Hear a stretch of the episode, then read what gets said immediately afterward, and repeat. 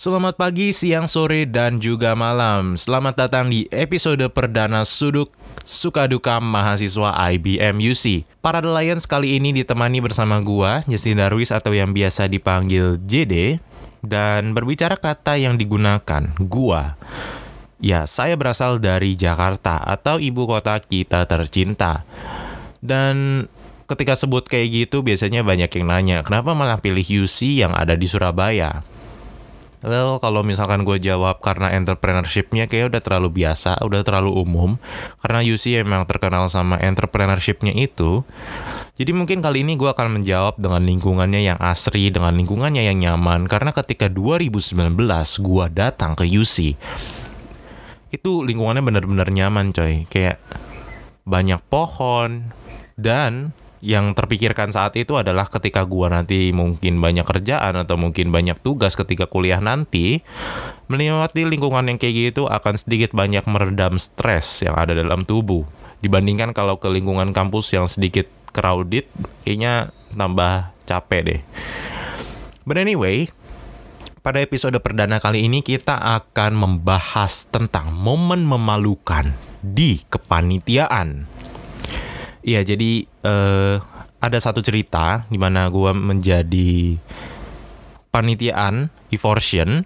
Ini memalukan yang sangat memalukan secara personal sih buat gue dan nggak bisa gue lupain. Bahkan ini udah berapa satu dua semester lewat masih inget aja terus dan sangat nyata di bayangan gue di ingatan gue. Jadi pada saat itu gue daftar di Evorsion di divisi PDD. Singkat cerita, gue diterima, kita melakukan rapat divisi untuk membahas kerjaan yang akan kita lakukan. Lalu kita berlanjut ke sesi bonding. Saat itu kita bermain game yang mungkin akan menambah dosa manusia karena kita bermain game tuduh-tuduhan bohong-bohongan Among Us. Kita main tuduh-tuduhan impostor dan di Among Us itu kan kalau kalian tahu kita harus kasih nama karakter kita biar nanti kalau misalkan dituduh nggak cuman dari warna tapi kita juga bisa langsung nunjuk namanya gitu loh. Si ini nih yang impostor gitu.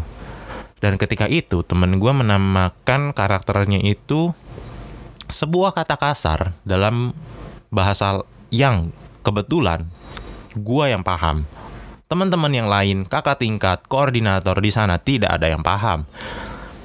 Lalu ya jelas dong, gue ketawa seketawa-ketawanya.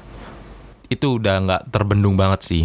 Dan sebagai cowok yang biasa uh, kalau di tongkrongan, pasti kita akan menertawakan ini bersama teman-teman kita. Jadi teman yang baik, kita akan menceritakan kisah lucu ini ke teman kita. Dan di sinilah masalah terjadi malam yang tegang itu belum tegang sih. Itu masih santai masih ketawa-ketawa cekikikan. Gue ngetik dengan penjelasan yang sangat jelas dengan caps lock dengan ditambahkan kata kasar untuk mengamplify kesan lucunya. Lalu tiba-tiba di grup yang berisikan tiga orang harusnya dibaca oleh lima orang atau ditulis read by five. Dan gue kaget dong pasti.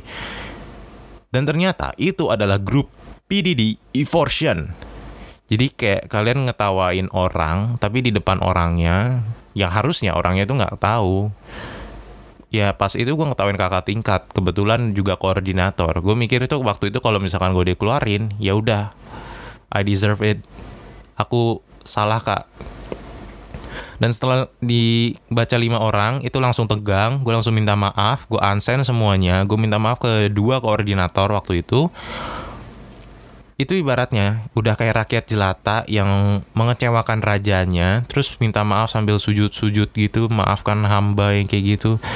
Gue merasanya kayak gitu sebersalah itu ya bayangin aja baru baru selesai O week baru berapa bulan udah daftar kepanitiaan yang pertama dan itu acara yang cukup besar terus melakukan dosa yang sangat besar ngetawain kakak tingkat depan kakak tingkat.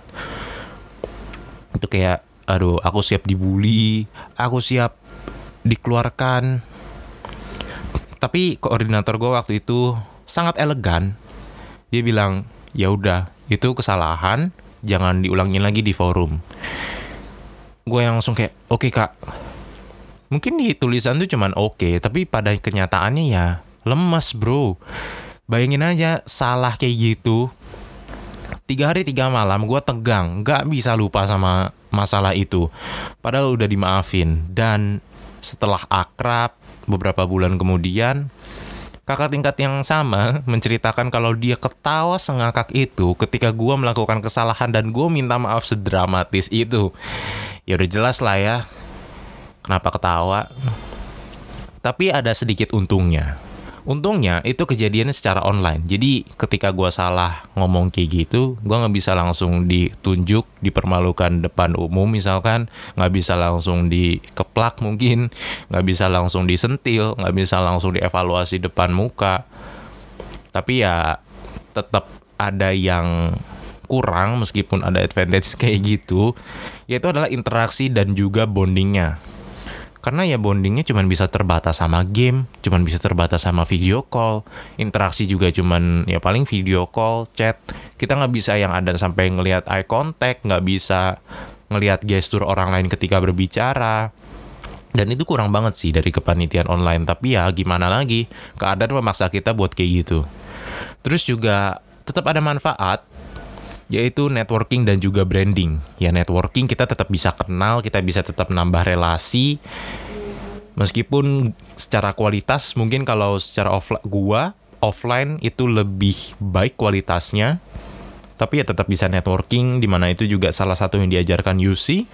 Lalu juga mungkin untuk teman-teman maba, teman-teman mahasiswa baru angkatan 21 ketika podcast ini ditayangkan, kalian juga bisa melakukan branding ya untuk kalian mencitrakan, mempamerkan skill-skill yang kalian miliki. Jadi ketika misalkan disebut nama si A, oh dia tuh jago itu, jago marketing atau si B, oh dia jago bikin video-video keren misalkan.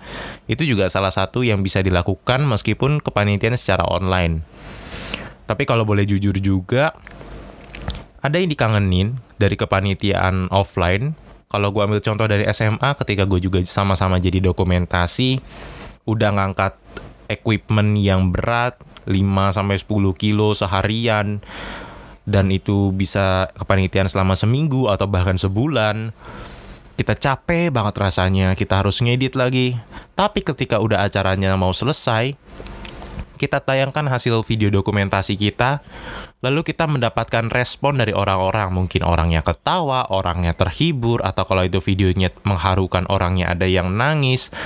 Itu rasanya sangat membayar rasa capek kita dan kayaknya itu semua worth it deh. Terlepas dari CV kita yang makin banyak tulisannya, tapi rasa capek itu kayak terbayarkan banget deh sama ketawanya orang, sedihnya orang, interaksi responnya orang lah gitu.